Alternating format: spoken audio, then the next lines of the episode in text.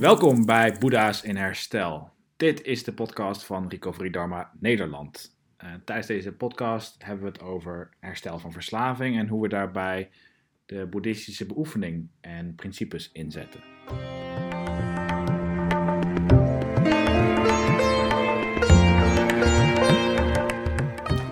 Mooi. Ja, Jij mag het welkomstwoord. ja zal ik het doen? Doe maar. Oké. Welkom, Welkom. lieve luisteraars. lieve kijkbuiskinderen. Dat heb ik altijd al eens willen zeggen. Bij eh, de zesde aflevering van Boeddha's in Herstel. Leuk dat je weer luistert. Mijn naam is Nick en ik zit hier samen met Rogier en met Neeltje. Eh, en we gaan het op deze regenachtige dag hebben over eh, de derde nobele waarheid. Lijden kent een einde. Er is een einde mogelijk. Het lijden is op te heffen. En ehm, voordat we het daarover gaan hebben, doen we even een korte check-in. Mhm. Zullen we willen beginnen nog hier? Jazeker. Eh, ja, mijn naam is Rogier. Dat is misschien wel fijn om eh, mee te beginnen. En ik voel me op dit moment eh, ja, wel, wel goed. Ik, ben, eh, ik heb er wel zin in. Eh, het is lekker warm hier eh, in vergelijking met de kou en de regen die daar buiten heerst. Dus dat is een mooi contrast. En ja, ik ben wel benieuwd wat, wat er allemaal gaat komen. Dus yes. En mijn naam is Neeltje. Ehm, en ik voel me hoopvol. Is ook een hoopvol thema. Hè? Lijden kent een einde. En eh, ja, weet je, ik laat het daar even bij en eh, laat het gesprek ontwikkelen. En ik weet zeker dat daar van alles in aan bod komt. En mijn naam is Nick. En ehm, ik zit er vrolijk bij, wat vermoeid en enthousiast ook over dit hoofdstuk en dat we het hierover gaan hebben. Het is ook, ja, wat je zegt Neeltje, een hoopvol hoofdstuk. En eh, ik ben ook benieuwd. Dus eh, laten we gewoon gaan aftrappen. Laten we doen. Oké. Eh, Rogier, ik wil jou vragen om ja, een stukje uit te kiezen van het hoofdstuk, wat, wat voor jou resoneert. Ja. Is, is er iets in het hoofdstuk? Het is geen, geen heel groot hoofdstuk en het is trouwens eh, terug te lezen in ons boek. Wat te vinden is op onze website. Maar eh, ja, Rogier, zou je Ja. iets over willen vertellen? ja, zeker. Het is inderdaad geen, geen, hoofd, eh, geen lang hoofdstuk. Dus de keuze is ook lekker beperkt. Ik hou daar wel van, niet te veel keuze. Ehm, even kijken. ja, ik, mijn oog viel wel gewoon direct op de eerste, eerste alinea. Ik zal hem even voorlezen en dan, eh, dan zal ik wat vertellen over eh, wat het bij mij losmaakt.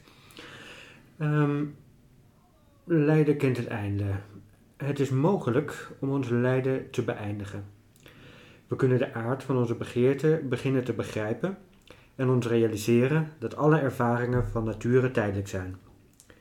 Daardoor kunnen we een meer vaardige manier ontwikkelen om te leven met de ontevredenheid van het mens zijn. We hoeven niet verscheurd te worden door onze gedachten en gevoelens die zeggen: ik zou meer van dat moeten zijn, of ik zou alles doen om daarvan af te komen. De derde nobele waarheid zegt dat het einde van verlangen mogelijk is. Ieder van ons is geschikt voor herstel. Ik heb dat maar gewoon even samengenomen, die, eh, die alinea's. Eh, ja, het is natuurlijk een hele, hele hoopvolle boodschap, zou je denken. Dus, eh, en dat, eh, dat, dat is natuurlijk ook wel eh, ja, een van de, van de kernboodschappen van, van ons herstelprogramma, van, van wat we allemaal vertellen.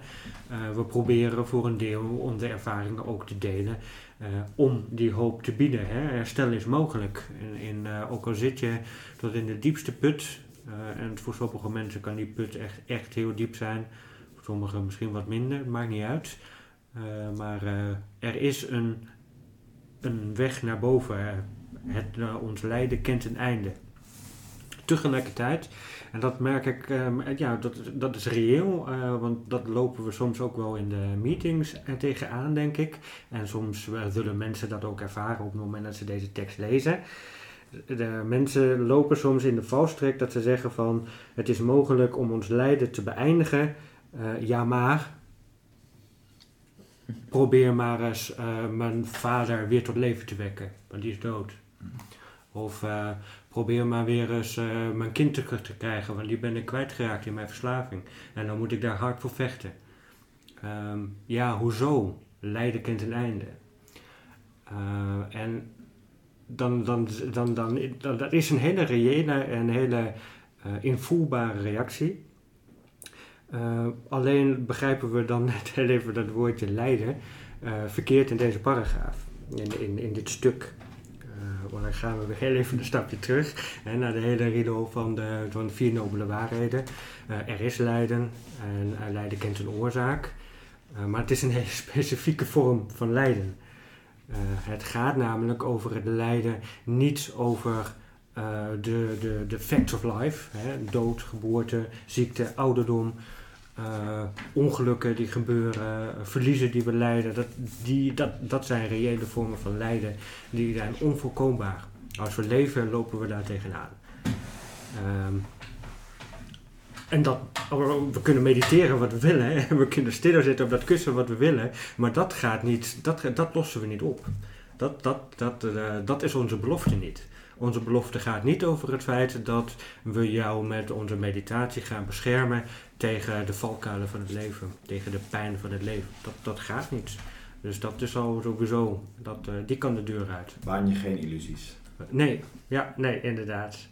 Maar de paragraaf staat natuurlijk niet, er bestaat er niet voor niets.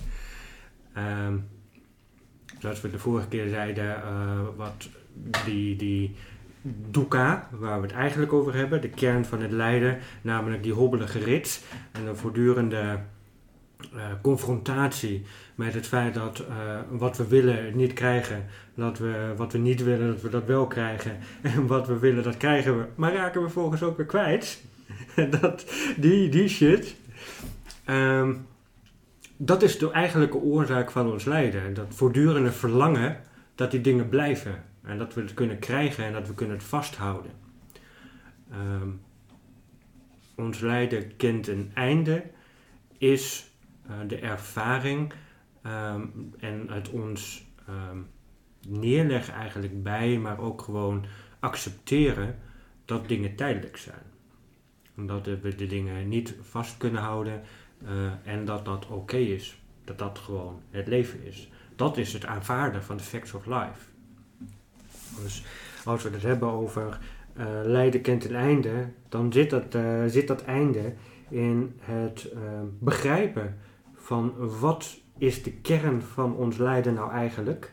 Is dat het feit dat er mensen doodgaan, dat we mensen verliezen, dat we verliezen lijden?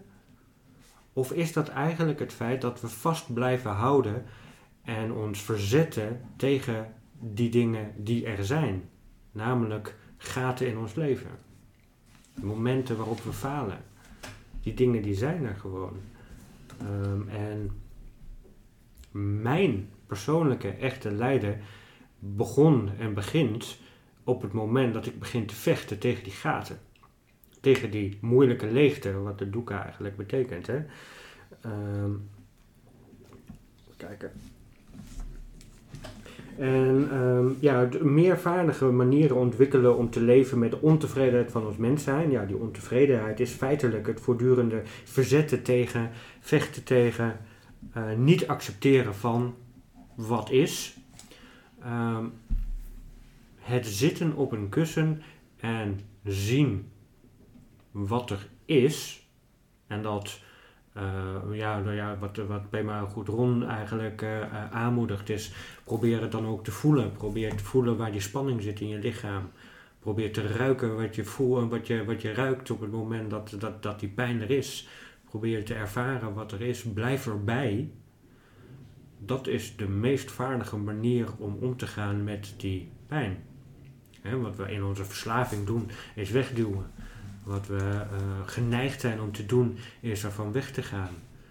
Ehm, dan, ja, de persoonlijke ben ik dan wel geneigd om te zeggen van probeer je opnieuw niet te vergissen.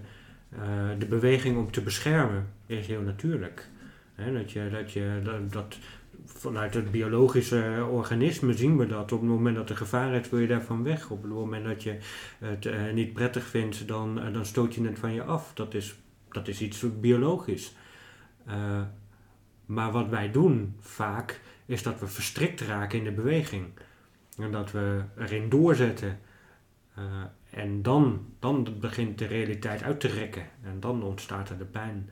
En ik denk uh, dat als we het hebben over uh, lijden kent een einde, uh, dat we het erover hebben, um, dat we je uitnodigen om samen met ons te gaan zitten en te zien wat je feitelijk aan het doen bent. Niet meer dan dat eigenlijk. En daar begint het, daar begint dat einde. Dus dat is wat ik er zo uh, 1, 2, 3 uit mijn uh, mouw weet, uh, ja. weet slingeren. Je zegt heel veel, hè? Maar wat mooi, dat laatste wat je zei. Gaan zitten, laten we gaan zitten en kijken gewoon wat er is. En begrijpen waar het op dit moment is. Hoe het is. En dat is het begin van het lijden, uh, van het einde van ja, het van lijden. het einde van het lijden, inderdaad. Ja, ja, ja, van, Ja. Van, uh, want dat is uh, de tegengestelde beweging ten opzichte van het verzet.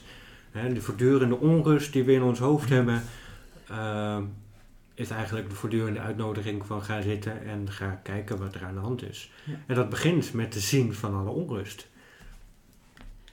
Dus je zegt eigenlijk het lijden, dat zit er niet zozeer in uh, gebeurtenissen of ervaringen, maar meer in onze reactie daarop. Ja, dat is inderdaad wat ik zeg.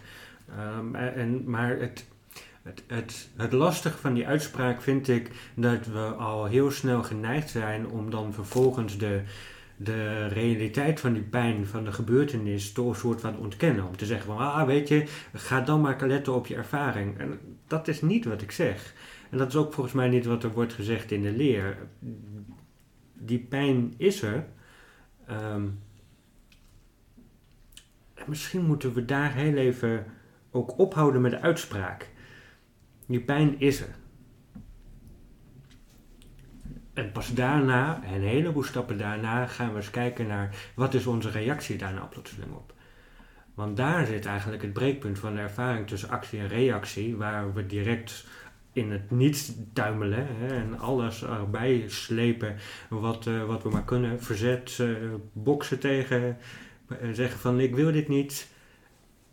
Maar het begint bij te zien, je hebt pijn. Je bent bang. Je schaamt je. Ja. Daar begint het. En dat gewoon zien. En vervolgens te aanvaarden dat je daarin zit. Dat is denk ik, uh, daar, daar, als je het hebt over lijden kent een einde, dan begint het daar. Gewoon zitten in de ervaring. Vreselijk, ja. maar het is wel. Nou, het is, ik, ik, weet je, ik hoor Tigatan ook duidelijk zeggen hè, van. Uh, uh, if you know how to sit with difficult emotions, if you know how to sit with suffering, you suffer much less. En dat, uh, dat is eigenlijk wat ik, ja, wat ik jou hoor zeggen. En ik hoorde jou net ook het woord gebruiken verstrikking. Hè? En, uh, en dan denk ik, waar zit die verstrikking in? Er gebeurt iets, hè? iets pijnlijks. Hè? Er is een verlies of een teleurstelling of wat dan ook. En daar willen we weg van. Dus we, we gaan ontsnappen. En dat kunnen we doen door gebruik. He, maar het begint al met dat we dat doen door er een verhaal over te maken. We verzinnen er een verhaal over en dat rechtvaardigt dan ook nog het gebruik. Helemaal. Ja, ja. Dus het is een dubbele verstrikking. Het is niet alleen zelfs weg willen van de pijn, weg willen van de schaamte of wat dan ook. Het is het er een verhaal omheen bouwen als rechtvaardigheid of rechtvaardiging van, van hè, onze verslaving, of van mijn verslaving. Intellectualiseren eigenlijk. Is dat niet wat je bedoelt? Nou, het, ja, nou, je hoeft zelfs niet, zo, eh, niet eens zo intellectueel ervoor te zijn. Om het zo maar te zeggen. Het is gewoon. ehm, het is in zekere zin eh, intellectualiseren, maar het is ook het. eh, we gaan op zoek naar het willen begrijpen van die situatie. Maar we projecteren daar dan gewoon een verhaal op. Het is niet aan de hand. Dat hele verhaal is eigenlijk niet aan de hand. Wat Nee. sec is, is de ervaring. Ja, Wat sec is, Ja. is die pijn, de kwetsing, de, de, het, het wegwillen, ja, eh, willen vluchten. Dat is er sec. ja. Maar we kunnen die, dat, dat feitelijk, we kunnen dat nauwelijks verdragen. Ik bedoel, de oefening is niet voor niets eh, soms eh, in het begin heel erg moeilijk. We kunnen, we kunnen nauwelijks verdragen dat het is zoals het is. Ehm, en ik denk, wat jij zei heel eh, rondom verstriktheid, is heel mooi omdat waar het eigenlijk over gaat is dat we gehecht zijn aan die vaststaande dingen. We willen dingen vasthouden zoals ze zijn. En onze ervaring laat voortdurend zien dat niks vaststaat, dat we het kwijtraken, of dat, eh, dat er weer iets anders ontstaat. Dat is de gehechtheid. Maar eh, wat, eh, wat iemand ooit een keer zei is, ehm, de kwelling zit eigenlijk in de energie die daarachter zit. Namelijk het gevangen zitten in die, in die, verst- in die gehechtheid. De, het gevangen zitten in de beweging dat je wil vasthouden. Dat, dat, dat is die verstriktheid. Ehm, vandaar dat de gehechtheid een mooi neutraal woord is om aan te duiden. Maar de ervaring is eigenlijk, ik zit gevangen. Ik, ik, ik kan er niet uit. Ik, ik, eh, ik, ik wil dit houden. En tegelijkertijd zie je voor je ogen, als een auto-ongeluk wat, eh, wat je voor je ogen ziet, je ziet het veranderen, je ziet de dingen gebeuren. Probeer daar maar eens bij te zijn. Terwijl tegelijkertijd in die boodschap juist zit van ja, maar daar zit wel ja, het einde aan jouw gevangenis. Dus, heel erg mooi wat je zei. Nou, Ja. Ja, ik, ik word weer getriggerd door van alles wat je zegt, zo de gehechtheid aan. Ja, ik, ik, ik blijf maar die verhalen in mijn hoofd horen. Ook de gehechtheid aan de verhalen. Hè? En de, ge- de gehechtheid aan wat, ja, wat misschien een leven lang je waarheid is geweest. mhm. De gehechtheid daaraan. Maar wat het is, is maar een verhaal. Dus het denken is een heel nuttig, nuttig eh, tool. Het denken op zich. En dat, Ja. zijn, dat zijn we gewend ook. Dat, dat leren we op de basisschool, in onze opvoeding. Van we zijn mensen en we kunnen door veel na te denken over dingen, dingen oplossen. Maar als het gaat over gevoelens en ervaringen, die, eh, ja, die, die proberen we ook weg te denken. Of, of op een of andere manier een soort van we proberen constant conclusies te trekken uit wat er gebeurt, zeg maar. Om maar een soort van gevoel van veiligheid te ervaren. Ik denk dat daar ook een beetje die, die neiging uit voortkomt om maar veiligheid, om, om het maar te kunnen verklaren, zeg maar. En, en dat er- herken ik ook bij mezelf. Als er onprettige emoties zijn, dan... Oh, eh, heb ik dat wel goed gedaan? Of eh, misschien had ik beter dat of dit. Of er, zijn altijd, er is direct die, die neiging van de geest om daar weerstand aan te bieden. En eh, middelen waren daar absoluut een antwoord op. Eh, want dan was het er niet meer. En ik merk nu dat dat denken daar nog steeds eh, zijn weg in wil vinden. Die wil nog steeds verklaren en het brein wil nog steeds verklaren van ja, maar misschien als dit of als, als het dan zo of zo. Ja, maar dan, dan slaan we wel een paar stappen over. Hè? En de stappen die we overslaan zijn dingen als, eh, maar wat is nou echt het wezenlijke in, hierin voor mij?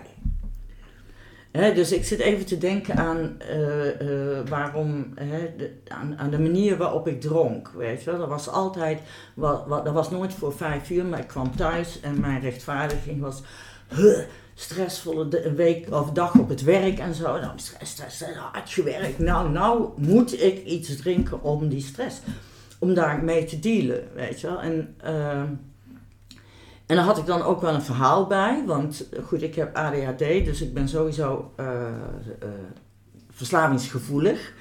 Nou, dat is een prachtig verhaal om jezelf te vertellen, joh, een leven lang. Hè? Dus dat is, al, dat is al onderdeel van het, eh, van het verhaal. Ik mijn eigen draad heb. Ik had een prachtige draad. ik kom thuis, ik drink en ik heb daar een verhaal bij. En dat is dan de manier om ermee om te gaan. Weet je, ik heb een eh, drank nodig om, eh, eh, om te ontstressen of zo. Oh ja, dan zeg ik tegen mezelf: ja, ja, ik heb twee standen. En dat is hard en heel hard. Weet je wel, als het gaat om mijn werk. En nu ik niet meer drink, merk ik gewoon dat ik ook veel gemakkelijker denk van nou, eh, vandaag ga ik maar eens niet zo hard.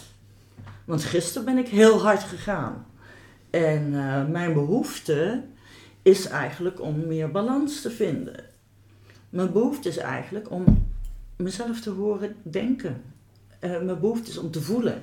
Hoe loop ik erbij? Hoe, wat loop ik op aan bijvoorbeeld hè, soms de delicten die mijn cliënten plegen? Weet je? Dat is nogal wat, een soort secundaire traumatisering. Ja, dan kun je allemaal maar doorgaan, doorgaan en doorgaan en denken dat dat normaal is, weet je, maar dat is niet normaal. Dus we kunnen, we kunnen zeggen van nou oké, we, we gebruiken ons denken voor het oplossen van dingen. Ehm, maar het zitten, wat jij zegt, samen gaan zitten, eh, adresseert ook dit. Ja, maar wacht even. Wie, wat is eigenlijk belangrijk voor mij hierin? Wat is mijn behoefte? Maar ook wat zijn mijn waarden hierin? Wie ben ik in wezen in dit hele verhaal? Dus dat vraagt eigenlijk eh, iets langer dan even zitten. Hè? Dat vraagt een, een regelmatige beoefening om die ontdekking aan te gaan. En dan kun je nog steeds het denken, we gebruiken nog steeds het denken, maar het denken is veel meer in de proporties ook van het voelen en het ervaren. Ja. Ik denk dat hè, toen ik nog eh, dronk, was 80% was het denken.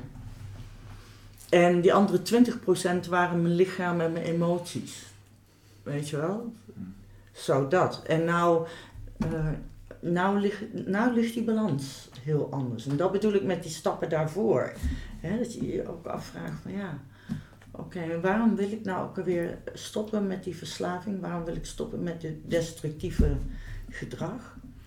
Ja, en om daarop in te hanken, denk ik steeds vaker dat al die vragen niet van belang zijn.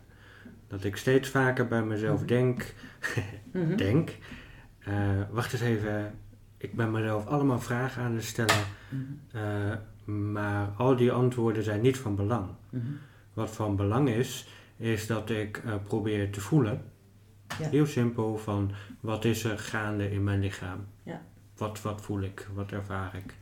Eh, en daar heb je natuurlijk ook voor een deel natuurlijk wel dat denken voor nodig om te kunnen grijpen met taal van oké, dit speelt er dan en hier heb ik pijn. Dat klopt. Maar alle vragen die ik mezelf stel zijn eigenlijk, eh, de antwoorden daarop zijn niet relevant. Ja. Niet relevant om mijn lijden of wat ik voel op dat moment te beëindigen. Want het einde van, van dat lijden eh, zit in het, eh, in het loslaten van die dwangmatigheid van ik moet. En ik moet het verhaal vertellen, ik moet het antwoord vinden, ik moet begrijpen, ik moet analyseren. Al die moeten, dat zijn verstrikkingen. Ja. Keer gewoon terug naar wat je voelt. En ik zeg wel gewoon, maar dat is een uitermate gevaarlijke uitspraak, want het is niet gewoon. Voor ons, zeker in onze verslaving, is dat niet gewoon om te voelen wat we voelen. Dat moet weer gewoon worden. Ja. Denk ik. En je noemde net ook, dat, dat denken hebben we ook hebben we nodig. Ja. Toen me ook net denken aan, aan een uitspraak van, ik weet niet meer precies van wie, maar van Ram Das die het zei, maar eh, eh, the mind is a great servant, but a lousy master. Ja. ja. En eh, wat je zegt, ook, ook tijdens het dagelijks leven hebben we, dat, hebben we het ook gewoon nodig om er even weer op gewezen te worden of zo. Dat, dat, die, dat brein, die geest. Maar de aversie kan soms zo groot zijn jegens het voelen. En eh, En deels komt dat er denk ik ook om omdat we niet leren of niet geleerd hebben dat we wel kunnen voelen, maar dat we niet weten hoe we ermee om moeten gaan. Hè? Want je hebt het voor de vorige keer had je het heel sterk over regulatie. ja, En dat is het een beetje, dat we, dat, je kunt wel voelen, maar op het moment dat je een enorme onrust voelt of een enorme paniek, dan kun je voelen wat je voelt, maar als je, ja, als je daar geen handgreep op hebt, en dat, dat, dat, dat, die ontbreekt vaak, dat gereedschap van hoe gaan we daar dan mee om met wat we voelen? Hoe verzorgen we dat? En dat is dan opnieuw niet kaderen in het denken, want dat is een oude mechanisme van direct weer Mhm. eh, rationaliseren en inkaderen. Maar het gaat om hele andere mechanismes rondom woorden als compassie, woorden als zorgen voor, kijken naar met, eh, met eh, liefdevolle aandacht. Maar dat zijn de middelen waarop je dat gevoel. zitten met ongemak. En dat, dat, is, eh, dat is misschien wat het ook gewoon zo verdomd moeilijk maakt om te stoppen met het gebruik. Omdat in actieve verslaving dan het idee van het moeten zitten met het ongemak, dat is dan zo enorm groot. Of dat als je geen andere coping daarvoor hebt en jezelf iets aangeleerd hebt in de ja, in die vaak jarenlange periodes, dan is het heel moeilijk om daar vanaf te komen. Zeker. Ja, ja, ja omdat Die er- dat het enige alternatief was wat je had. Hè? Ja.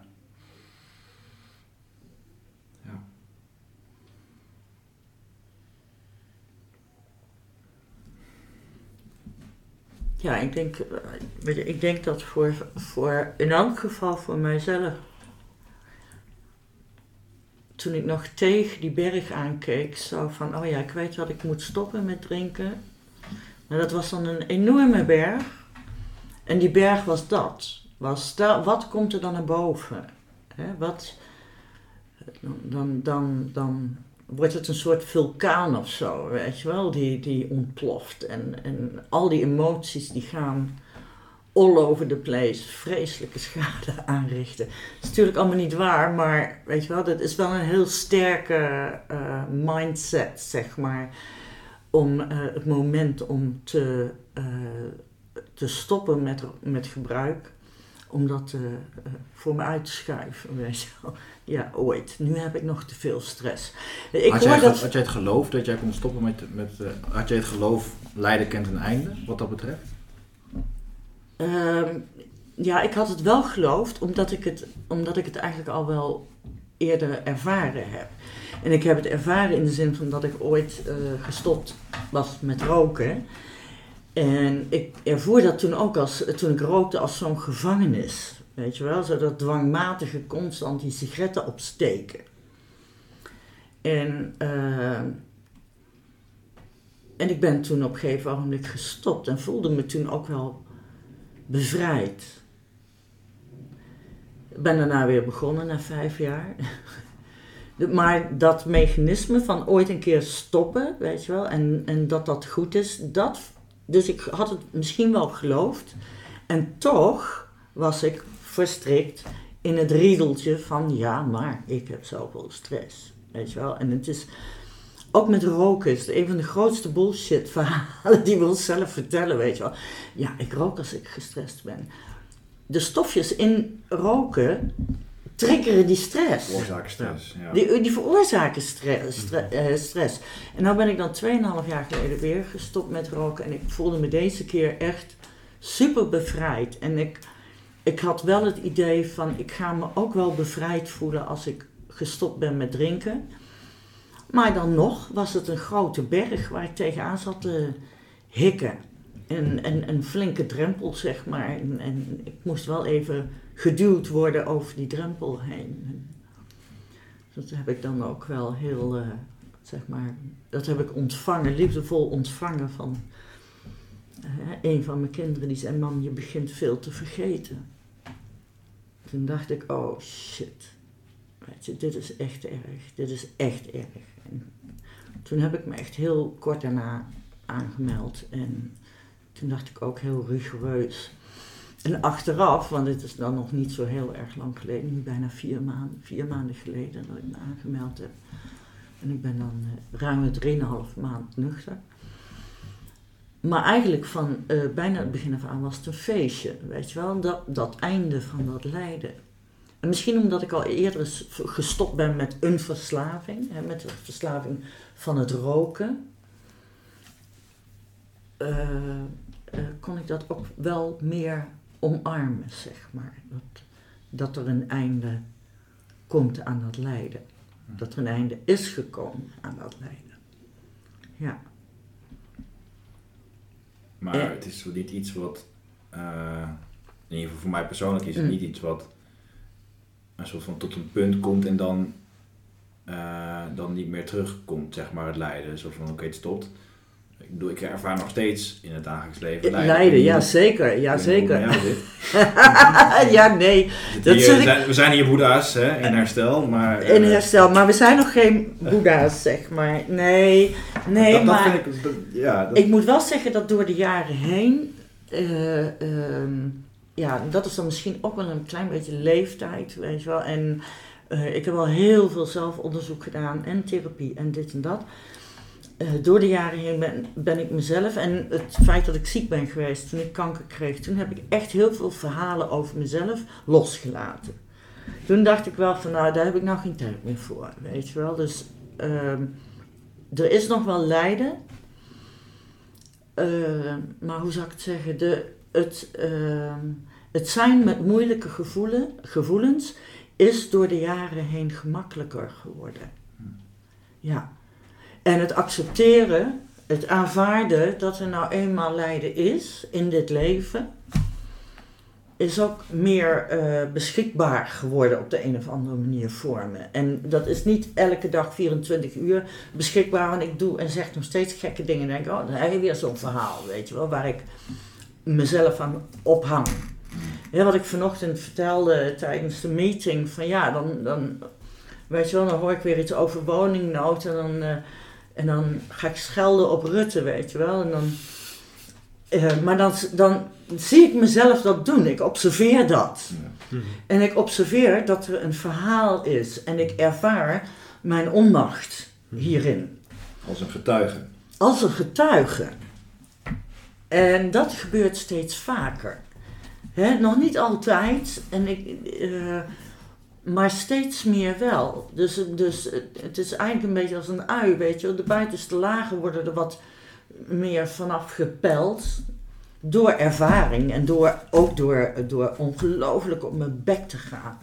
Met mijn verhalen en alles. Ik denk, ja, nou, dat is, dat nou een zinnig verhaal om aan vast te blijven houden? Ik dacht het niet, weet je. Dus, dus ja, in die zin is er ook hoop, weet je wel. Dat eh, ze zeggen wel eens wijsheid komt met de jaren. En dat, dat is ook voor een klein stukje wel zo. Wel als je op zoek gaat en graag wil blijven leren en ontwikkelen en verdiepen. En dus ik denk eh, daar waar eh, zeg maar andere mensen die ik ken, die heel jong zijn, die nu hun verslaving aanpakken, mm, die hoor ik ook nog heel erg vastzitten in verhalen. En ik denk, ja, oké, dat moet er blijkbaar nog zijn. En je hebt blijkbaar eh, een aantal boeken nodig voordat je erachter komt. En ervaringen, Ja. en op je bek gaan, en weer een hele goede therapeut tegenkomen of zo, weet je wel. Of, eh, hè, wat ik, eh, de- toen ik ziek was, ehm, ehm, luisterde ik elke dag eh, naar een Dharma-talk van Thich Nhat Hanh. En eh, het bijzondere was dat mijn idee was dat de mensen om mij heen meer leden dan dat ik zelf leed. Weet je, als zodra mensen zeg maar mijn kale kop za- zagen, dan zag ik die angst op hun gezicht. En ik had daar meer last van dan dat ik eigenlijk last had van eh, ja, de situatie waarin ik was. Of zo. Het is een ongelooflijk krachtige tijd geweest toen. En ik denk waar ik, waar ik wel iets heb, ehm, wat ik niet goed heb, of ja, niet goed heb gedaan. Wat ik, ik heb toen niet goed genoeg geluisterd naar uh, Tingatan. Ik ben daar tien dagen geweest in uh, Plum Village op retraite. En uh, Thai zei altijd wel van, weet je, je hebt je sangha nodig. Zonder sangha red je het niet. En ik dacht natuurlijk, ach, nou ik dacht helemaal niks. Ik liet het gewoon versloffen eigenlijk. Waar heeft hij het nou over? Hè, waar, Wat weet hij nou? ja, nou ja, ik dacht ook een beetje, wie is die Sangha dan? Weet je wel, er is, uh, ja, er zijn een stel hippies die ook naar Zuid-Frankrijk zijn geweest of zo, weet ik het. Uh, maar de diepere betekenis, zeg maar, ontging mij nog uh, op dat moment. En dat is nu veel meer in, in mijn hoofd. Weet je wel, dat, ja, of in mijn hoofd, ook in mijn hart en in mijn ervaring, in mijn motivatie om dat toch wel te doen. Hè, om dat toch wel, uh, ja, om het te leven. In plaats van alleen maar als een verhaal. Ja. Hè, te, ja. En, en, wat je zegt, de, de, de Sangha die uh, is wel essentieel. En zeker in herstel van verslaving, dan we hebben het nu over het, het beest in de bek kijken. Wel vaker, je noemde het net ook zo van ja, er is maar één manier zeg maar om er doorheen te komen. Of bij, en dat is door, door erbij te blijven. Zeg maar. En we kunnen allerlei manieren proberen te verzinnen om um, er omheen te gaan. Maar uiteindelijk komen we toch weer terug. En uh, het, het beangstigende is wel het, het is gewoon beangstigend om dat beest in de bek te kijken af en toe. Als, als, Zeker. Prettig. En ja. Als je dat samen leert doen, en dat vind ik gewoon zo fijn aan onze bijeenkomsten, Ja. dat Ja.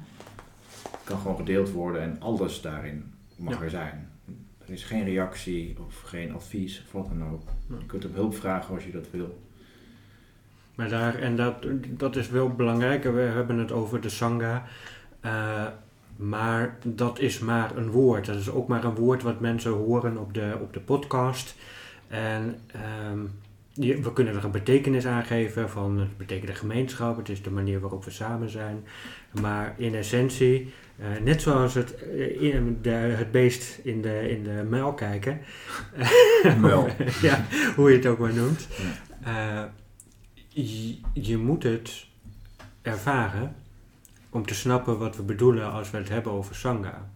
Het is niet voor niets dat op een, eh, als we de wens tot verlichting lezen, dat die eerste zin is: een verbinding ontstaat niet op een specifieke plek, maar in de warmte van ons wezen. Als deze ruimte gevuld is met wijsheid, respect en liefde, noemen we dit Sangha. Ja. Dat moet je ervaren. Ja. Eh, Het is ook niet voor niets dat onze beoefening een, eh, en vanuit de Boeddha eigenlijk al vanaf het eerste begin een uitnodiging was tot ervaar het voor jezelf. Neem het niet aan, ga het niet lezen.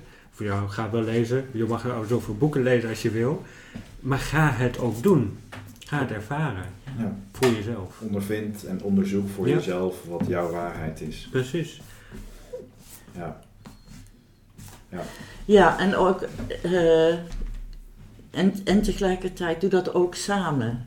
Weet je wel, want alleen, wat er gebeurt natuurlijk is, tenminste dat denk ik, hè, als ik te veel alleen ben, heb ik een verhaal wat in mijn hoofd rondstuitert. Weet je wel, het, het vraagt vaak de reflectie van andere mensen om me heen en de communicatie met andere mensen, om zelf te bedenken, oh, dat was een verhaal. Of misschien zeggen, hè, zegt iemand anders van, nou, dat is, een, dat is een interessant verhaal wat je erover hebt verzonnen, weet je wel. Of je ziet iemand anders hetzelfde doen eigenlijk. Ja. Je luistert in de Ja, tijdens een bijeenkomst naar iemand. Ja. En je ziet heel veel overlap in Wat eh, jij doet, de ja. ervaring, zeg maar. Dus dan leer je ook bij jezelf herkennen van wat er gebeurt. En meer vanaf een afstandje. Ja. En het is, weet je, ik heb al die jaren heb ik wel heel veel, ik heb wel gemediteerd, niet elke dag, maar ik heb wel gemediteerd. Maar ik deed echt heel veel mindful walking in het bos, weet je wel. En dat eh, bracht me wel enigszins tot rust, maar het bracht me niet in verbinding. En dan op een gegeven ogenblik bloedt het ook dood of zo. Dan, dan altijd alleen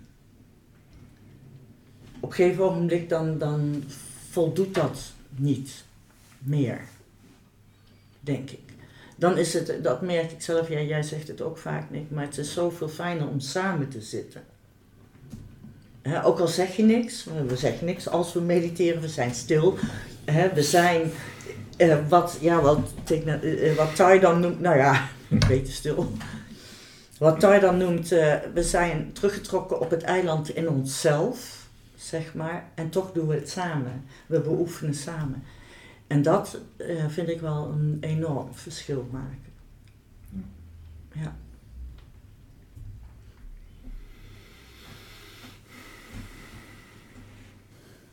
De derde nobele waarheid, lijden kent een einde. Het is ook, het is ook een herinnering in ieder geval voor mij, dagelijks. Net hadden we het ook over het verstrikt raken in, in emoties. Of, eh, en dat is niet alleen in verslaving, maar ook gewoon in het dagelijks leven.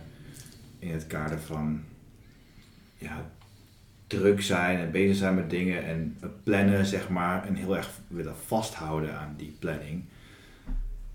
En dan heel erg gestrest, soort van krampachtig bezig zijn met iets.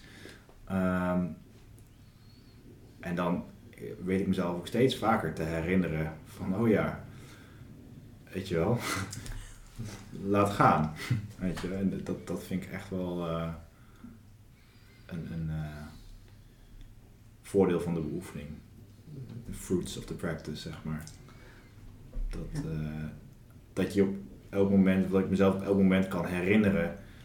Nou ja, daar is de geest die zich hecht aan een bepaalde uitkomst of aan een bepaalde verwachting. Ja, ja, En dan kun je het ook weer loslaten. ja soms hè. Niet altijd, Niet soms. altijd, ja. ja. Maar het is ook mooi, dat noemde jij net ook, zeg maar, dat je, dat je jezelf dat ziet doen. Dat je jezelf als getuige eh, of een soort van ziet worstelen met iets, weet je wel. En niet meer op een manier van, oh, wat heb ik het toch zwaar of zo, maar meer van, oh, ik zie mezelf dit, dit nu doen en Ja, er is, ja. ja. En dat is wel, eh, dat is mooi. Het is een mooi proces om dat, om dat eh, te doormaken. Want het- ik denk dat humor daar ook wel echt een belangrijk... eh, voor mij is dat in ieder geval wel belangrijk om, om ook die situaties van ja, on- onprettige ervaringen met, met humor te blijven, te blijven mogen zien. ja. Ja, dat zeg je wel heel goed, want het is inderdaad, het gaat natuurlijk nog steeds wel om de kwaliteit van waarmee je kijkt. En de kwaliteit van je getuigen. Want we zijn namelijk ook heel erg goed in staat tot die, eh, tot die kwade, beschuldigende criticus, die alles wat je aan het doen bent beziet en onderuit haalt. Eh, maar de kwaliteit van de getuigenis waar wij het over hebben, eh, dat is er een van eh, kijken van ehm, ja, humor, eh, relativeren, zorgzaamheid en zien hoe onbekwaam we soms ook worstelen. maar met een glimlach, met een ouderlijke, liefdevolle glimlach. Dat, dat, en dat is wel van belang om dat nog even te Ja. benadrukken. En dat Want kan de zweep kan er ook Precies. over gaan. En die zweep is in eerste instantie. Zeker, ja, En ik denk dat je echt pas zo kan kijken als je echt je eigen geest leert kennen. Ja. Dus als je weet waar het vandaan komt, de conditioneringen waar je jezelf altijd je jezelf hebt aangeleerd. En dat je weet waar die gedachten vandaan komen. En dat je ziet van, oh ja, Ja. is die weer. En dat je zelfs inderdaad die kwade, eh, beschuldigende criticus kunt beschouwen en kunt zien van, oh ja, Hm. daar ben je weer. En ik zie dat je bijvoorbeeld de functie hebt gehad als om mij maar voortdurend te stimuleren. Maar dat heb ik niet meer nodig. Dank je wel dat je er was. Ja, Of dat je er bent. beschermen. Beschermen. Ja, Ja. precies. Dus eh, die, de, de kwaliteit van waarop we dingen bezien verandert wel degelijk in de beoefening, denk ik. Want dat, dat ja, dat, dat als je ja, samen inderdaad, zeker in de sangha samen oefent en elkaar, eh, naar elkaars verhalen luistert en naar die herkenningen vindt, eh, dan, dan begint die, dat bezien begint te kantelen. Toen heel erg denken aan het verhaal van de Boeddha hemzelf, Siddhartha Gautama, die ging zitten. eh, die, heeft een hele quest gehad hè, op zoek naar verlichting, ook terug te lezen in ons boek. Eh, maar hij ging zitten onder de, de Bodhiboom en eh, werd daar, eh, ging daar mediteren. En op een gegeven moment werd hij, zo gaat het verhaal, hè, geteisterd door, ja, door een demonische vorm, een, een demon, Mara ook wel genoemd. En Mara die probeerde de Boeddha door allerlei, allerlei manieren van zijn verlichting af te helpen. Door hem aan te vallen met verschillende legers en, en mooie vrouwen en, en veel geld of ik weet dan allemaal niet wat. En ehm, wat de Boeddha zei was niet eh, ga weg Mara of hij probeerde eh, Mara niet, niet eh, weg te jagen. Maar hij raakte zijn hand aan met de grond en hij zei ik zie je Mara. En toen verdween Mara. En er is volgens mij nog een verhaal van, van Jack Cornfield of van Tara Brach, die dan, die dan nog een extra schepje bovenop gooit. Van, ik zie je Mara, kom thee met me drinken. En dat vind ik ook een hele mooie, om hem uit te nodigen voor de thee en om hem te leren kennen. Mhm. En eh, te weten waar die vandaan komt. Maar ook daarna bleef, de boer, bleef, Mara, bleef Mara terugkomen. Het was niet zo dat, dat Mara opeens verdween bij die, Nee. dat ene moment.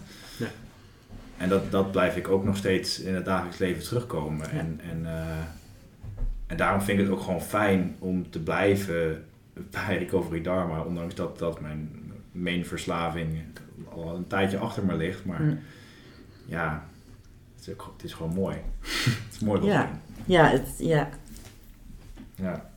En daarom, mag, even- als ik nog heel even terug mag grijpen, Mhm. en dat is opnieuw wel belangrijk, dat eh, wat we doen en wat we lezen met lijden kent het einde, ehm, de belofte is niet dat het lijden ophoudt.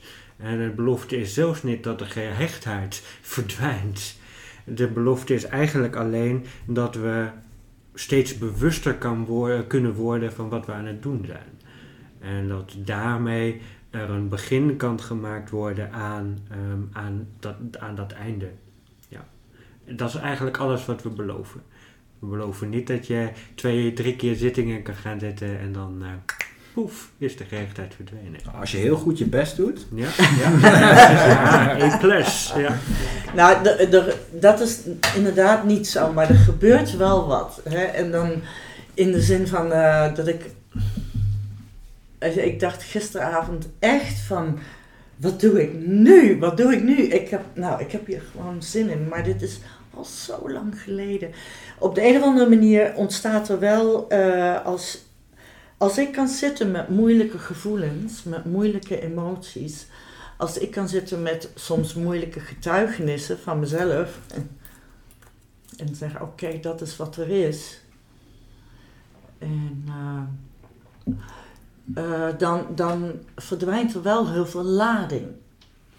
En die struggle om, het, om er van weg te komen, die verdwijnt dan ook. Ja, alleen, en daar, daarom blijf ik het benadrukken. Mhm. Ehm, dat is niet in een dag, een week, een maand of zelfs maar een Nee. jaar gedaan. Nee, nee. En daarom zeg ik eigenlijk van, oh weet je, ga maar zitten met je gevoelens en dan komt het allemaal goed. Nee, dat is zeker onzin. niet. Zeker niet. is- En Zeker daarom niet. is het lezen, ik bedoel, we hebben deze tekst met z'n eh, met Ja. allen al ten minste twee keer 54 keer eh, gelezen. Minimaal. Hmm. En ik begin de tekst nu pas na, die, eh, na al die keren langzaam te snappen wat er wordt gezegd. Ja, dat is een enorme gelaagdheid. Ja. Ik denk, weet je, de eerste keer dat ik ging zitten met moeilijke gevoelens, dacht ik dat ik niet zou overleven. Weet je wel, dus, bedoel, dat is gechargeerd, maar dat is het wel, weet je wel, dat toch maar, oh nee, weet je wel. eh, Overweldigend. zo over. ah, de- nee, het is meer de angst voor het overweldigende. Weet je, want die angst was zo groot. En ik denk, als, als je dat al kan ervaren, dat je dat overleeft. Weet je, wel? dat je een half uur later je ogen open kan doen en je hebt het overleefd. Het zitten met die moeilijke gevoelens. Dat is al een, eh, hè, dat, is, dat, dat is stap 1. Dat creëert, als je het niet erg vindt, een Nee. ontzettend mooi bruggetje naar de volgende alinea. Alinea. Ja, Nee, dat is- ja, ja, ja. We zijn verantwoordelijk voor onze eigen acties. staat er in die alinea. En voor de energie die we aan onze gedachten en gevoelens besteden. Dit betekent dat we controle hebben over ons eigen lijden, omdat de onprettige emoties zich in ons afspelen. We creëren ze door onze reactie op ervaringen. We hoeven niet afhankelijk te zijn van iets of van iemand om de oorzaken van ons lijden weg te nemen.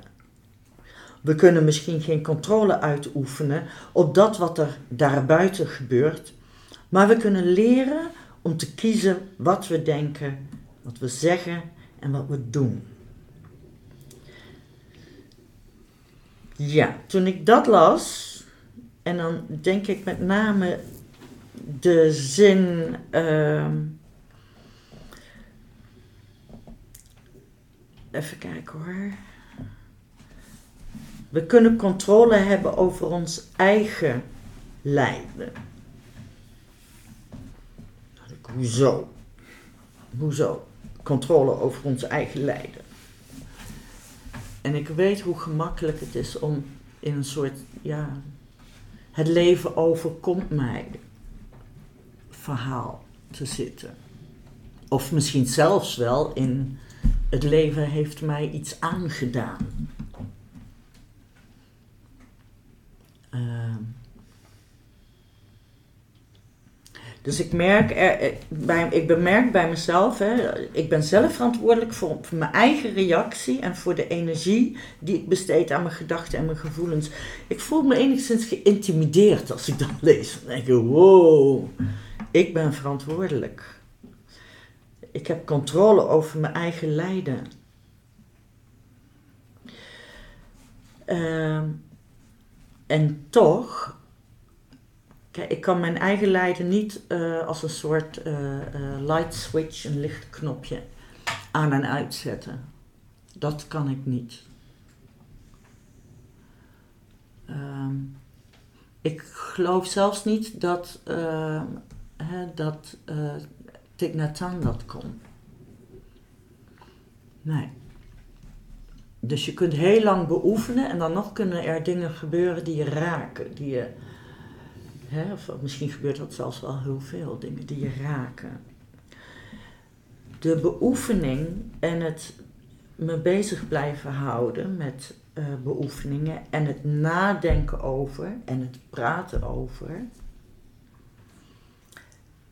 uh, creëert wat rust en creëert uh, gewoon minder drama om dat hele verhaal heen. En als er minder drama is en er is meer rust, dan wordt het voor mij ook gemakkelijker om een stukje verantwoordelijkheid te nemen. En als ik dat dan doe, en soms vind ik dat heel lastig,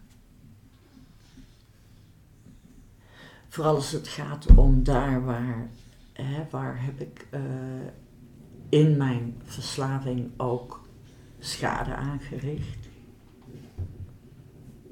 Als ik dat aanraak, dan, nou, dan merk ik gewoon, dan gebeurt er van alles nog wat met me. Uh, maar hoe meer ik daarbij kan zitten, hoe meer ik het, daar, ik het daarover kan hebben, hoe meer rust er uiteindelijk komt. En in die rust ontstaat ruimte en energie om te schilderen en te dansen. Snap je? Dat is de, tenminste, dat is wat ik nu ervaar.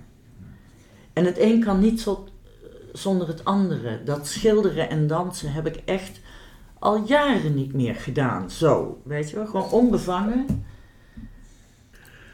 Dat, dat vond ik wel zo bijzonder uh, gisteren. Dat ik dacht van hier sta ik in mijn eentje zo te genieten van die heerlijke muziek. En uh, hè, wat jij er straks zei, het zitten en voelen. Gewoon wat gebeurt er in mijn lijf.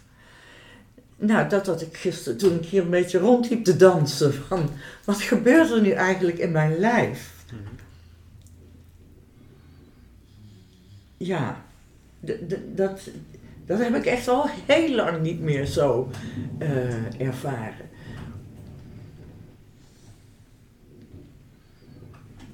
En ik denk, weet je, dat is eigenlijk um, voor mij voldoende over, over dit stukje. Ik, nee, ik heb geen controle eh, de hele tijd over mijn lijden. Maar ik weet wel dat als ik stapjes neem, dat ik dan ook wat meer controle krijg. En hoe meer stappen ik neem, hoe meer ik er gewoon mee kan zijn.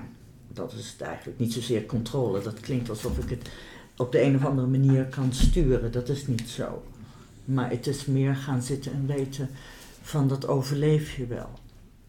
Ja, nee, ja dat, dat laatste van je overleeft het wel. eh, dat, dat, dat sluit bij mij aan voor die, de, de eerste zin van de alinea. Van wij zijn verantwoordelijk voor onze eigen acties. Ehm, want dat impliceert namelijk ook iets van, eh, van moed. En van, van, van eh, het durven zien. En de geruststelling van je overleeft het wel.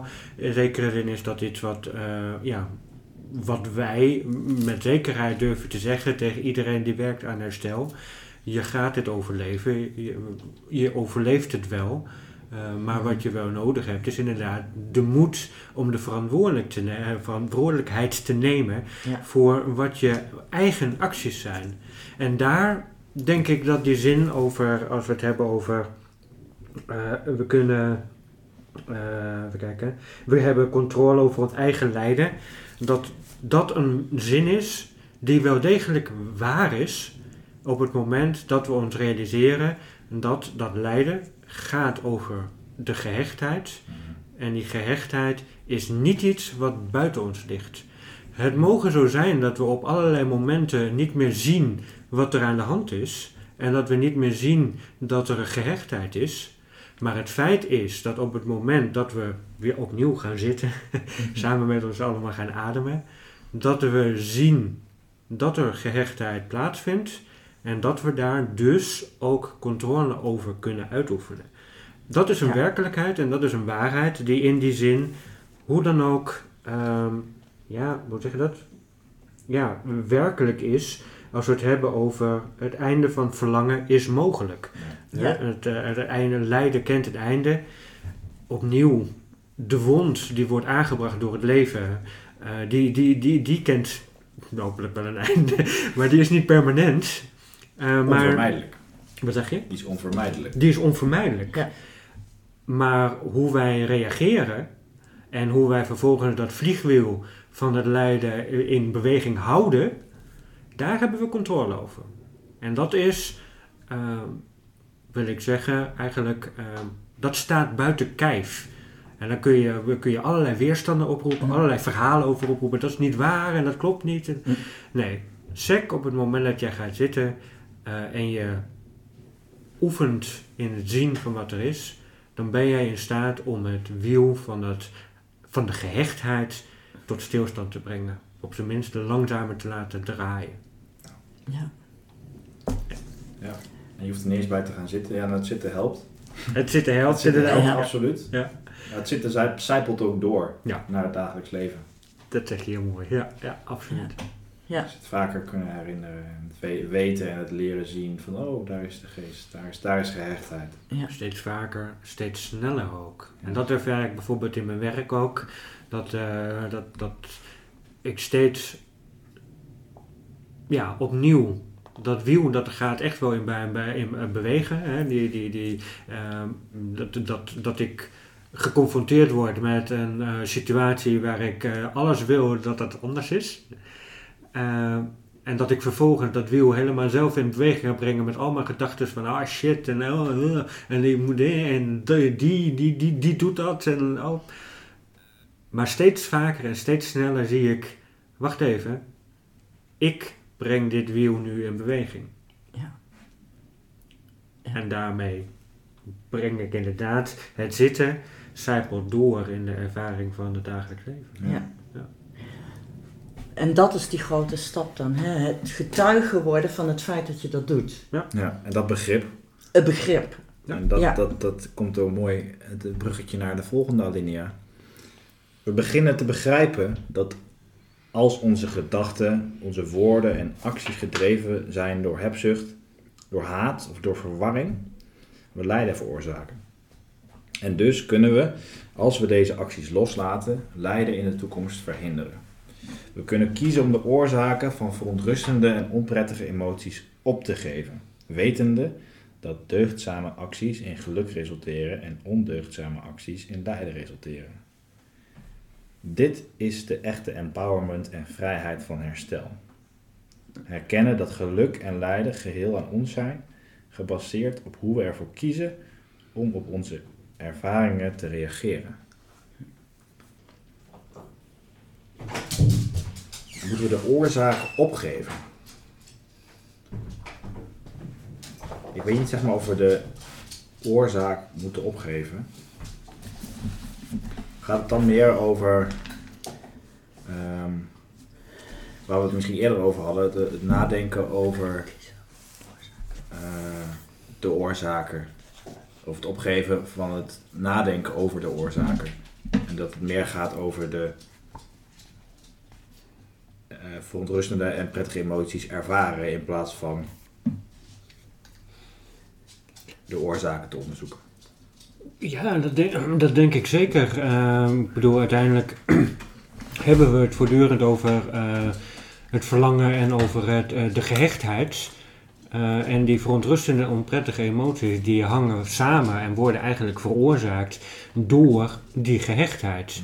En die gehechtheid, kijk, dat is het punt namelijk, dat we steeds voortdurend onderscheid maken tussen wat is, wat het leven ons biedt aan zekere zin, en waar we niks aan kunnen veranderen, en waar we wel iets aan kunnen veranderen. Hm. En waar we wel iets aan kunnen veranderen is onze eigen verstriktheid.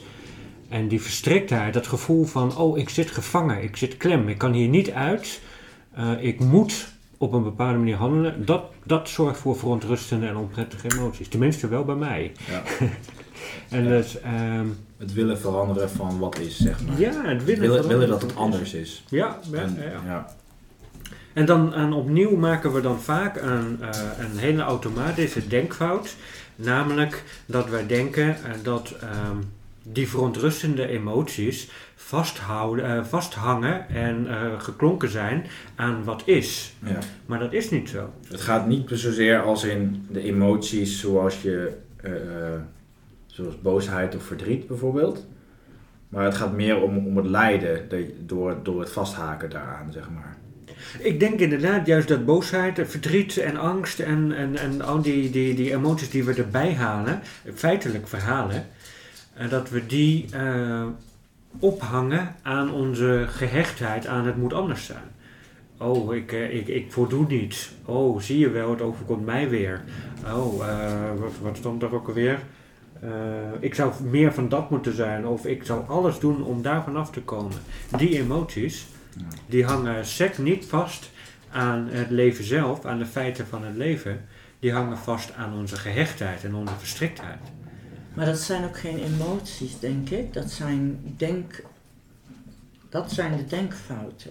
Daarom heb ik het inderdaad over denkfouten. Ja. ja. Dat zijn de denkfouten, hè. De, want de emoties, eh, zeg maar gewoon puur de emoties, bedroefd, bang, boos en blij, zijn gewoon emoties. Aan zich zijn emoties namelijk ook niet verontrustend. Nee. Nee, Het verontrustende zit in het kader waar we het in plaatsen. ja. Ja. de gedachten die Ja. we hebben over de Ja. situatie, over Ja. de gedachten van ik Ja. zou dit niet moeten ervaren, dit is fout, Ja. dit is Ja. slecht. Ja. Dat herken ik wel. Vast. Ja. Ik hoop velen met mij. Nou ja, ik had, vanochtend had ik weer even zo'n momentje toen het maar niet rustig wilde worden in mijn hoofd. Van, eh, Zo wel. zou het niet moeten zijn. Zo zou het niet moeten zijn, Nee. weet je wel. En, maar goed, dan kan ik wel weer, net zoals met die getuigen, Ja.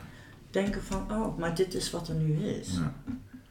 Maar Het is wel echt een boodschap die, je inderdaad, die ik heel erg herken. Zo zou het niet moeten zijn. En zeker bij het ervaren van onprettige situaties. Ik had ook in mijn relatie een, een, een gesprek vanochtend.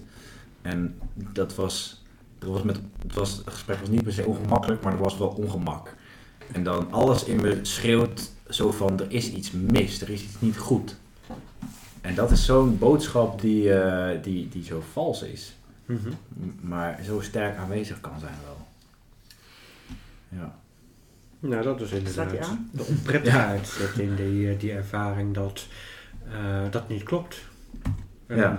In dat kader waarin we het praten van, eh, het klopt niet wat, eh, wat er nou gaande is. Ja. Het moet anders. Ja. En de- dat, dat is misschien ook wel een beetje de wortel van het verhaal, zeg maar. Mhm. Want als ik dat denk, van dit zou het niet zo moeten zijn, dan ontstaat er vanzelf een soort van eh, verhaal dat continueert zich in mijn hoofd, zeg maar. Als ik Ja. dat heel erg bij mezelf houd, Mhm. dan ontwikkelt het zich en dan kan het uiteindelijk ook leiden tot, tot, tot schaamte of tot... eh, Dat is de dominosteen die je om, omkukelt. En een hele reeks begint te draaien. ja. Want, eh, we hebben het over een wiel, maar je kunt het ook Ja. vergelijken met die dominosteentjes. Dat zijn van inderdaad, eh, ik moet me schamen. En als ik moet schamen, dan moet ik hier weg. En als ik hier moet weg, dan, dan kom ik thuis en dan ben ik in mijn eentje. moet ik me verdoven. Ik moet me verdoven. Ja. En die laatste zin die, ja, in ieder geval de, de, de, het resterende van de zin wetende dat, dat deugdzame acties in geluk resulteren en ondeugdzame acties in lijden resulteren. En, en deugdzame acties, dat zit hem dan echt in, in het, in- nou ja, zo lees ik het dan in het beest in de bek kijken, waar we het net ook al over hadden, dat we, Ja. dat we erkennen van ja, dit, dit is het Ja, dit moet ik uitspreken of hier, hier moet ik uitschrijven. Of in ieder geval een, een, een gezonde actie aan verbinden. Ja. En het ondeugdzame is dan eh, het uit de weg gaan. Het, het, het, het doen alsof het er niet is. Het ontkennen. waardoor het een eigen leven gaat leiden. Ja. Ja. En Ja. dat is dan, daarna wordt ook gezegd, dit is de echte empowerment en vrijheid van herstel. Herkennen dat geluk en lijden geheel in ons zijn gebaseerd op hoe we ons ervoor kiezen, hoe we ervoor kiezen om op onze ervaringen te reageren. Ja. Dus daar zit al daadwerkelijk een keuze in, van wat ik doe met mijn ervaring. Ja. En, dat is, en die, die keuze die zit inbegrepen in dat, eh, dat, eh, dat besef dat het lijden dus niet bij de facts of life hoort, maar dat dat verbonden is aan onze gehechtheid van het moet anders, Ja. het, eh, het mag er niet zijn. Daar hebben wij een keuze. Want daar hebben wij, want daar maken we eigenlijk ook de keuze om ervoor te kiezen van dit verhaal moet, over, moet er overheen, moet anders. Dit kan er niet zijn. Eh, nou ja, goed, eigenlijk al het verzet en de weerstand. En daar hebben we wel degelijk een, een, een keuze. Eh, en dat is ook direct de bevrijding op het moment dat je dat ziet. Van verrek, eh, het is geen fact of life, maar ik doe dit zelf. Ik plaats er een verhaal overheen. En dat wil niet zeggen dat een deugdzame actie op dat moment direct verlichting brengt. Zeker niet, nee. Want vaak is het in eerste instantie op korte termijn misschien nog wel pijnlijker om iets te ervaren wat je onder ogen moet zien. Ja. Maar op de lange termijn is het wel het erkennen van hoe het is, hoe de situatie is. Ja. En kun je het doorleven, kun je het doorvoelen. Kan ik Ja. het doorleven, kan ik het doorvoelen. Ja, En dan kom je ook weer terug bij wat, eh, wat jij zei rondom eh, het verantwoordelijkheid nemen en ehm, de doodsangst van eh, het onder ogen zien. Daar is moed voor nodig. Daar is Hm. absoluut moed voor nodig. En ik denk ook wel dat een onderdeel van onze sangha eigenlijk is, is dat we eh, je uitnodigen eh, en laten zien dat ieder van ons, op het moment dat we samen gaan zitten, die moed in de praktijk brengen. Want we moeten allemaal, ja, noodzakelijk, ik bedoel dan met moeten niet eh, verstrikt zijn, maar het is een noodzaak dat we onder ogen zien het beest en de angst en alles wat, eh, wat er speelt en wat er is. Niet wat zou moeten zijn, maar wat er is. ja. Dus ik, ik ben benieuwd. Hè? Je begon net met eh, te, eh, te vertellen van ja, je had vanochtend even een gesprek en daar gebeurde zoiets in, hè? waar iets wat makkelijk een eigen leven zou kunnen leiden, Ja. gaan leiden. Ja. Dus hoe heb je het opgelost? Heb je het opgelost? Eh, ja, opgelost is de vraag of het opgelost moest worden. Ja? Maar eh, ik, ben, ik heb het beest in de bek gekeken uiteindelijk. Ja. Ik, heb het, ik heb het gedeeld. Ja. En wat gebeurde er toen? Nou ja, wat ik net ook zei, er was niet direct een soort van zucht van verlichting. Nee. Eh, want het creëert een bepaalde. Ik, ik moest iets over mezelf vertellen, waar, wat ik heel spannend vond. Mhm. En dat creëerde direct een soort van eh, energie, een andere energie dan waar het zat, zeg maar. Ja. Dus dat was eng en on, on- onprettig. Ehm, en dat, dat, dat bleef ook een tijdje. Mhm. En dat, eh, ja. Maar daardoor ontstond er tegelijkertijd wel eh, contact en communicatie. En werden dingen duidelijk en verhelderd. En soms dan werden dingen niet begrepen, maar uiteindelijk dan weer wel. En er gebeurde wat. En er gebeurde wat eh, niet per se alleen maar in mijn hoofd, maar meer ook in mijn lijf. En, en ik, was, ik was aan het verwerken, zeg maar. En dan, ja, Maar ik denk inderdaad ook wel dat een van de valkuilen die we soms doen of hebben, is namelijk van, oh, als ik eh, bepaalde handelingen op zo'n manier uitvindt, hè, als op het moment dat we die positieve en goede deugdzame actie uitvoeren, dan komt er ook een deugdzaam resultaat en het liefst ook nog eens direct. ja, Eh, en dat hoeft gewoon niet te gebeuren. Eh, ik, denk, ik denk wat, een- wat een mooie uitspraak is, eh, we hoeven eh, dingen vaak helemaal niet op te lossen. Dingen ontstaan en vallen uit elkaar. En, ehm, maar wat wel belangrijk is, en wat jij zei, is dat er verandering ontstond. En dat is misschien, want op het moment dat je vasthoudt en er niet over deelt, dan, eh, dan hou je die situatie in stand en laat je het ook niet veranderen. En ik kan me voorstellen dat op het moment dat je erover deelt, je niet per se het resultaat krijgt wat jij zou verlangen. Opnieuw, hè? Verlangen is de kern van, van wat we nu zeiden, de kern van ons lijden. Maar wel dat op het moment dat je erover deelt, je het toestaat om te veranderen. Whatever may be. ja. Ja, dus dat, eh, als je het niet doet, zeg maar, dan echoot het als het ware ook het verleden. En alles wat je daaromtrent dat verhaal hebt meegemaakt, dat blijft door echoen. ja. Terwijl als je het zegt, hè, ehm, of als je, eh, wat jij zegt, beest in de bek kijkt, Ja. dan is dat wat het is in het hier en nu. Maar dan is het ook eh, eh, wat jij bent, weet je wel. Daarmee, eh, ja, Sta je er toe om op te lossen? Ja. Sta je, Je er staat toe er om toe uit om- elkaar te vallen? Dat Ja. is het. Anders identificeer je je heel erg met Ja. zeg maar, dat verhaal Ja. en hoe het is. Dan wordt Ja. dat de werkelijkheid. In plaats van als je deelt van nou, dit is wat er gebeurt, zeg maar, dan, dan nou ja, ik kon niet zeggen externaliseer je het, maar dan neem je wel een bepaalde afstand ook tot die gedachte en tot Ja. dat verhaal. ja, Waardoor het eh, eh, niet per se meer die show wordt in je eigen hoofd, Ja. waar je de hoofdrolspeler van bent. En eh, ja, het is vaak, vaak toch een genre drama, zeg maar. ja, Ja. ja, dat is het. En wat jij zegt, het zijn allerlei, het ging over mezelf, zeg maar, zoals van, nou ja, wegstrepen wil ik niet zeggen, wegcijferen in een bepaalde situatie. En dat is iets wat ik herken. Dus eh, op die manier, als je het dan uitspreekt, dan leer je ook gewoon je eigen patronen herkennen.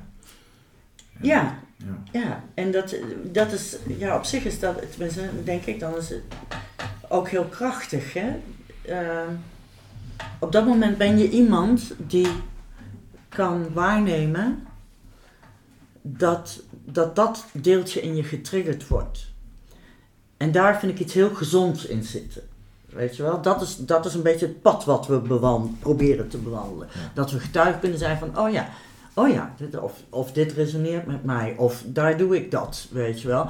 Dan ben je er veel minder een slaaf van. Dan, zit je, dan is die gehechtheid, zeg maar, een heel stuk minder. Ja.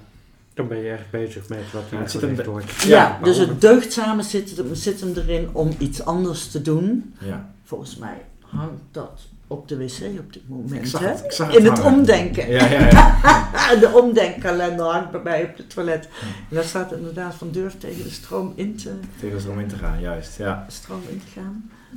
Maar de stroom van jezelf, weet je wel. Van de gedachten Van van de overtuigingen over die er zijn. Ja. Maar ik denk ook gewoon dat het hem er echt in zit dat het niet per se gaat om dat je ook moet verwachten in, in tijdens herstel van verslaving dat als je kiest voor deugdzame acties, je niet direct verlichting zult ervaren. Er is geen quick fix. Nee, Soms is er pijn, soms is er lijden. En eh, eh, ja, je, je maakt het gewoon, ik maak het gewoon veel erger als ik het niet vertel. En daar zit het hem in. Ja. Als, als ik niet, ehm, ga ik even verstrikt in mijn eigen... het signaal oppakt en, en er iets van zegt. Ja. In plaats eh, hè, van het weg te duwen en ermee aan de haal te gaan Ja. op de een of andere manier. Ja, precies. Ja, als ik niet kies voor de gezonde eh, acties, zeg maar. Ja. Dat is aan iedereen om zelf om uit te vinden wat, wat dan gezonde acties zijn en wat dat dan niet zijn. Want dat is in elke situatie natuurlijk ook weer anders. Maar ergens diep van binnen weet je dat. En dat vind ik ook wel het mooie, zeg maar, aan Recovery Dharma. Dat, dat er in het programma ook eh, staat van... Ja, jij bent de potentie voor je eigen ontwaking, voor je eigen verlichting. Je hoeft nergens anders in te geloven. Lijden kent een einde en daar ben jij zelf verantwoordelijk voor.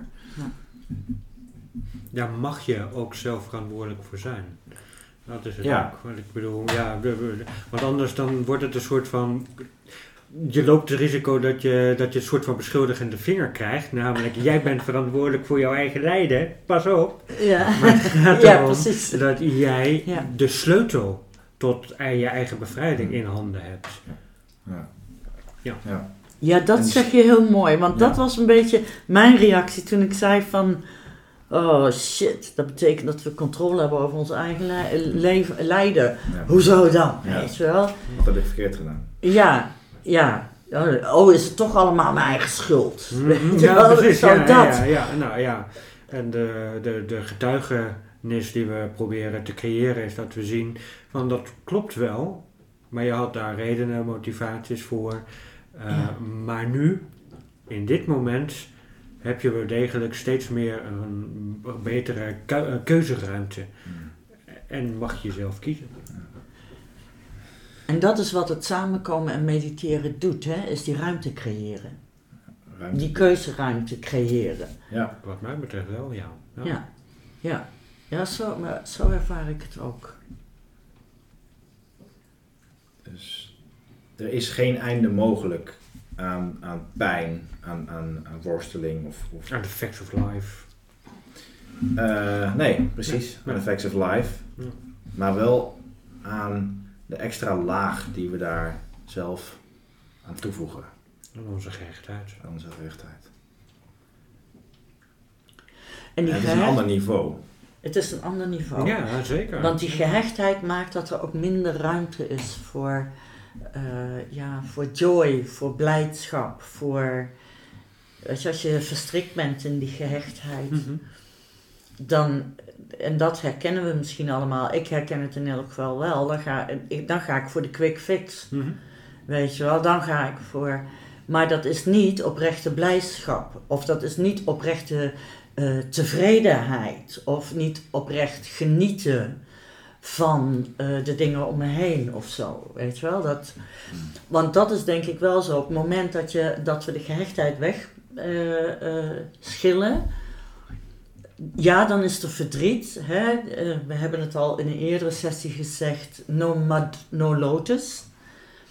Eh, eh, die dingen zijn allebei onderdeel van het leven. Hè? Dus, dus ook het verdriet, ook eh, angst soms, ook... Het, zijn is die extra laag die het zwaar maakt en die maakt dat er geen ruimte meer is voor de lotus. Weet je wel? De lotus is inderdaad op de simpele blijdschap. En die laag, die extra laag, die, die, eh, die blijft opkomen. Zo ervaar ik het. Die blijft in andere vormen dan, dan verslavingsgedrag op dit moment, gelukkig. Eh, maar ja, waar we het eerder ook over hadden, over rationaliseren of, of intellectualiseren of proberen de- je uit situaties te denken. Of Ja. allerlei manieren waarop de geest zeg maar nog eh, wil ontsnappen. En dat is mens. Ja, Ja. en laat, ja. Aan het mens. En de, dat, dat leren herkennen, dat geeft ruimte. Voor mij. En het ruimte creëren voor voelen. Ja. En, voor, en voor lichaam.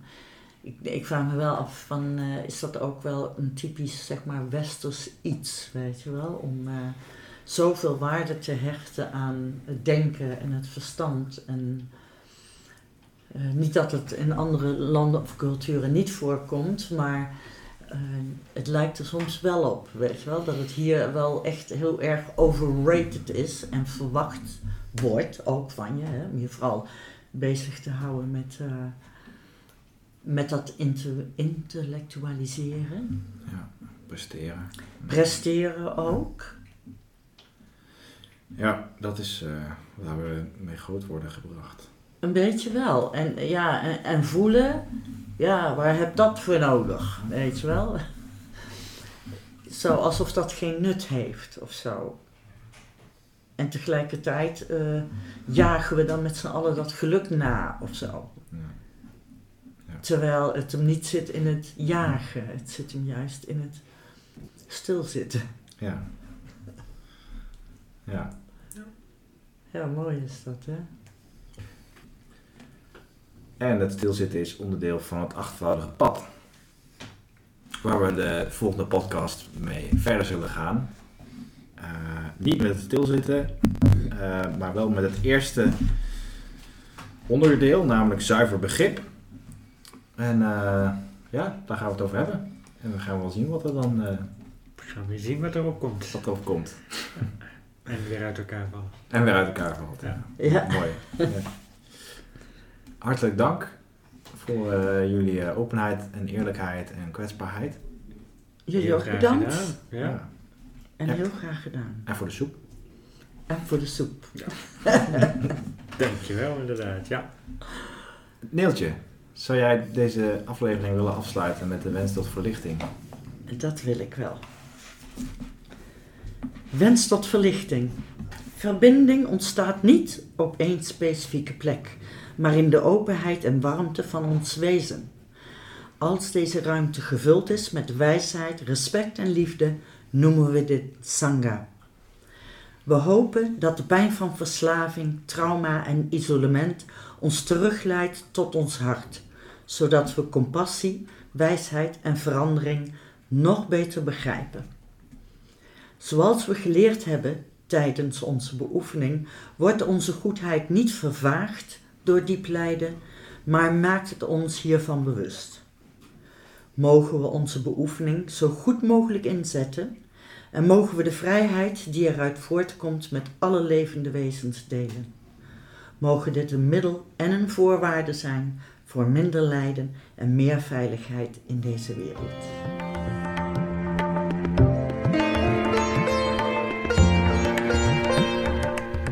Voor meer informatie over onze groep en onze organisatie Recovery Dharma kun je terecht op recoverydharma.nl. Daar is ook ons boek te vinden. Er zijn meditaties te vinden. eh, ook een link naar ons YouTube kanaal waarmee je kunt oefenen. En er staat ook informatie op over onze bijeenkomsten.